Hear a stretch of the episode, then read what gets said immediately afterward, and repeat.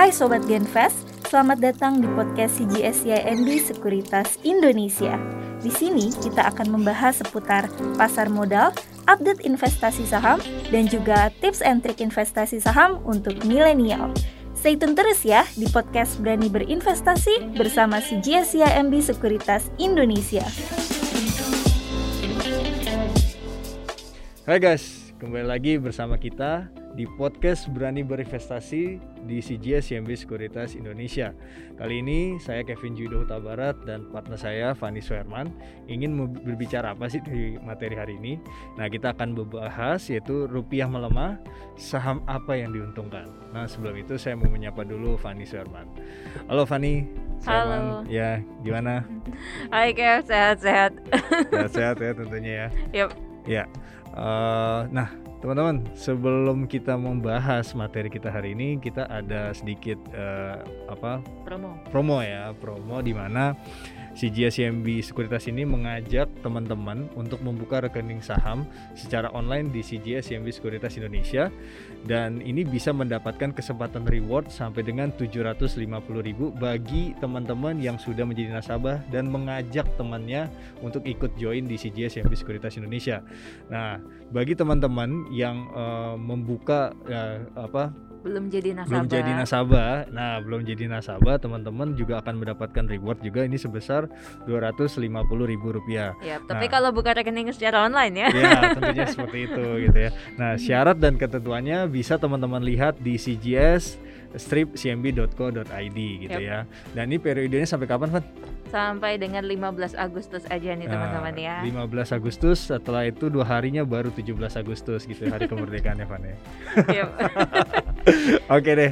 Yuk kita langsung aja untuk membahas uh, apa kondisi saat ini Van ya. Jadi mungkin teman-teman juga terutama teman-teman yang khususnya di uh, pasar saham ini juga melihat kondisi perekonomian kita ini bagaimana gitu ya.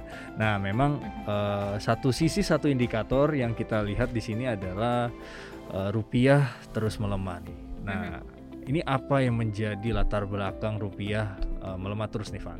Oke. Okay. Nah kalau misalkan ditanya nih ya teman-teman ya, uh, apa sih yang menjadi penyebab rupiah melemah? Nah kalau misalkan kita ingat nih kayak beberapa waktu yang lalu ya, jadi The Fed ini baru aja menaikkan suku bunganya, yaitu sebesar 75 bips gitu ya. Uh, ini sebenarnya yang menyebabkan kenapa uh, cenderung uh, rupiahnya melemah. Apalagi ditambah kalau misalkan kita lihat nih dari data CME Fed Watch Tool ya teman-teman.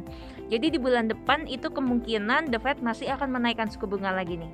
Nah, sebesar berapa bisa 75 bips lagi kalau berdasarkan uh, forecastnya gitu ya. Nah, kemudian uh, sampai dengan akhir tahun gimana nih? Apa udah selesai sampai bulan depan aja? Nah, ternyata menurut prediksi ini masih ada tiga kali lagi nih kenaikan sampai dengan akhir tahun gitu kan. Ya, jadi hmm.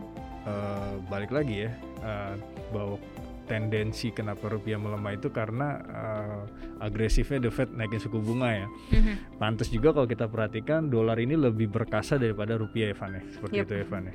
Nah uh, sebenarnya latar belakang kenapa sih The Fed ini sampai naik agresif banget nih untuk kenaikan suku bunganya kenapa sih sampai okay. seperti itu? Oke. Okay. Nah, uh, intinya adalah sebenarnya nih untuk uh, menekan laju inflasi di US sendiri gitu ya. Jadi kalau misalkan teman-teman lihat nih uh, data inflasi di US ya. Uh, waktu itu nih dia naik dari sekitar 8,3% ke 8,6% gitu ya dan ini adalah level yang tertinggi uh, dari 40 tahun terakhir gitu. Kemudian kalau dilihat juga uh, naiknya ke 8,6% dari 8,3%. Ini juga di luar ekspektasi orang-orang nih. Jadi konsensus itu tadinya memproyeksi inflasi ini akan tetap uh, di 8,3% gitu ya. Jadi ketika uh, muncul inflasi 8,6 nah ini yang membuat orang jadi uh, negatif karena uh, kekhawatiran balik lagi ya The Fed takutnya akan jadi lebih agresif gitu. Oke, jadi mm-hmm. itu yang menjadi penyebab ya mengapa teman-teman kalau kita lihat rupiah itu uh, melemah. Ini juga indikasinya bahwa The Fed juga menjaga perekonomiannya juga ya Van ya. Mm-hmm. Yang tadi diutarakan bahwa di luar ekspektasi bahwa inflasi mereka nih naik cukup signifikan gitu ya ke mm-hmm. 8,6 persen ya Van ya. Mm-hmm. Nah, uh, saya ngeliat data juga nih terakhir uh, kalau kita lihat per uh, tanggal ini juga kalau di, dilihat bahwa rupiah ini udah menyentuh 14.850 ya uh, kalau kita perhatikan dan ini sebelumnya itu hanya di 14.400 an. Mm-hmm. Nah, uh, yang jadi pertanyaan adalah uh, teman-teman juga pasti bertanya ya. Uh, kalau gitu sebenarnya ini positifnya ke mana gitu kalau ketika rupiah melemah terus dolarnya menguat nah ini positifnya ke mana lalu juga apakah ini akan negatif juga ke beberapa industri gitu mm-hmm. nah, mungkin bisa di share ini Pak Oke, okay, thank you. Nah, jadi kalau misalkan dilihat nih memang uh, pelemahan rupiah tergolong cukup cepat ya, hmm. karena hmm. dari sekitar 14.400 sekarang udah sekitar 14.850 hmm. uh, dan itu jangka waktunya cepat banget gitu ya. Hmm. Paling mungkin sekitar uh, satu mingguan mungkin yeah, ya. Yeah. Nah, kalau ditanya uh, positif atau negatif ke mana? Jadi kita akan bahas ke yang negatif dulu ya. Hmm. Uh, untuk yang negatif, kalau ditanya negatif ke mana, pastinya nih negatif ke emiten-emiten yang punya hutang besar tapi dalam dalam US dollar hmm. gitu karena otomatis kan berarti utangnya jadi membengkak nih yeah, dengan yeah. ada pelemahan rupiah gitu yeah. ya nah kemudian yang kedua adalah kalau misalkan kita lihat nih uh, dari pendapatan. Nah pendapatannya kalau mereka dapatnya ini dalam USD mungkin masih rada aman nih bisa langsung nutupin uh, kehutangnya gitu ya. Tapi kalau dapatnya dalam rupiah Nah, ini yang sedikit negatif gitu. Nah, makanya uh, di sini saya punya data bahwa ada 31 perusahaan nih yang diperingkat oleh Moody's ya. Dan uh, ada beberapa perusahaan yang uh, mereka lihat nih negatif ya. Salah satunya adalah kayak misalkan MDLN dan juga uh, Asri gitu ya.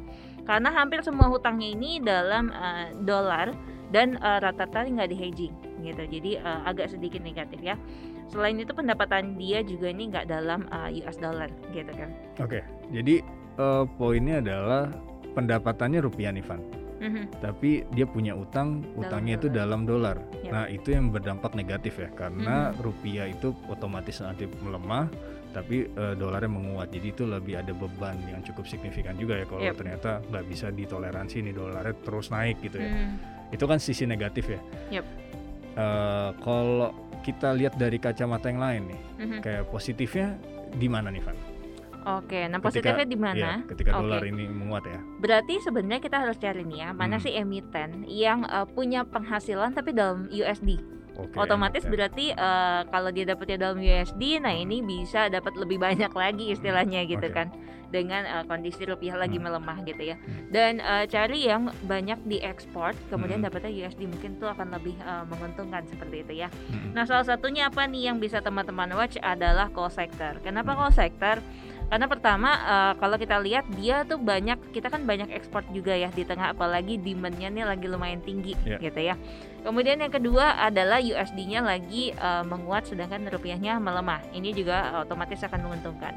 Dan uh, yang ketiga kalau misalkan kita lihat uh, memang harga komoditasnya sendiri kan lagi naik nih gitu ya jadi ibaratnya keuntungannya double double nih kalau di sektor gitu. hmm, jadi lebih prefer ke sektor call ya mm-hmm. ya kalau kita lihat nih teman-teman bahwa di sekitar tahun 2020 kemarin nih dengan harga yang sekarang call ini sudah naik 300an persen lebih ya jadi wajar ketika wah ini menarik juga ya kalau misalnya dolar saya baru ingat juga nih jadi kalau dolar yang menguat terus uh, apa pergerakan dari komoditas kol itu juga masih tetap stabil di area atas gitu ya jangan mm-hmm. turun-turun gitu ya yep. ini juga dapat keuntungan juga dari fundamental ya nah uh, tapi pertanyaannya apakah emiten kol masih menarik nih Van kalau mm-hmm. kita lihat dari pergerakan sahamnya Mm-hmm. Oke. Okay. Hmm. Nah kalau misalkan kita lihat ya uh, dari segi demandnya ini kan demand masih cukup tinggi nih, yeah. apalagi untuk yang uh, negara-negara Eropa gitu hmm. ya, karena uh, gasnya ini makin langka, efek uh, Rusia Ukraina ya, nah otomatis mereka mulai larinya ke coal lagi gitu. Nah uh, ini terbukti dari mana? Dari inflow asing. Kalau misalkan kita ngeliatin ya teman-teman ya jadi asing ini banyak masuk ke pertama Adaro, di mana Adaro ini banyak dibeli oleh foreign pension fund. Dan yang kedua ini adalah ke UNTR ya. UNTR ini banyak dibeli oleh uh, foreign mutual fund gitu. Nah, tapi kalau misalkan tadi ya kita udah sebutkan bahwa kita harus cari yang mana nih yang banyak uh, diekspor keluar gitu ya dan uh, nanti dapatnya ini dalam USD karena itu kita lebih prefer nih ke arah Adaro teman-teman. Gitu. Karena Adaro ini nih ekspornya kontribusinya sekitar 79% ke total uh, penjualan dia di First Key 2022 gitu. Jadi ini yang menarik dari uh, Adaro gitu ya. Dan mungkin kalau pertanyaan kenapa bukan kayak misalkan Harum atau ITMG di mana mereka juga dapetnya kan dalam USD nih gitu ya Nah, karena uh, kalau berdasarkan channel check kita, jadi uh, yang lagi demandnya itu lumayan naik tuh untuk yang low caloric coal gitu ya.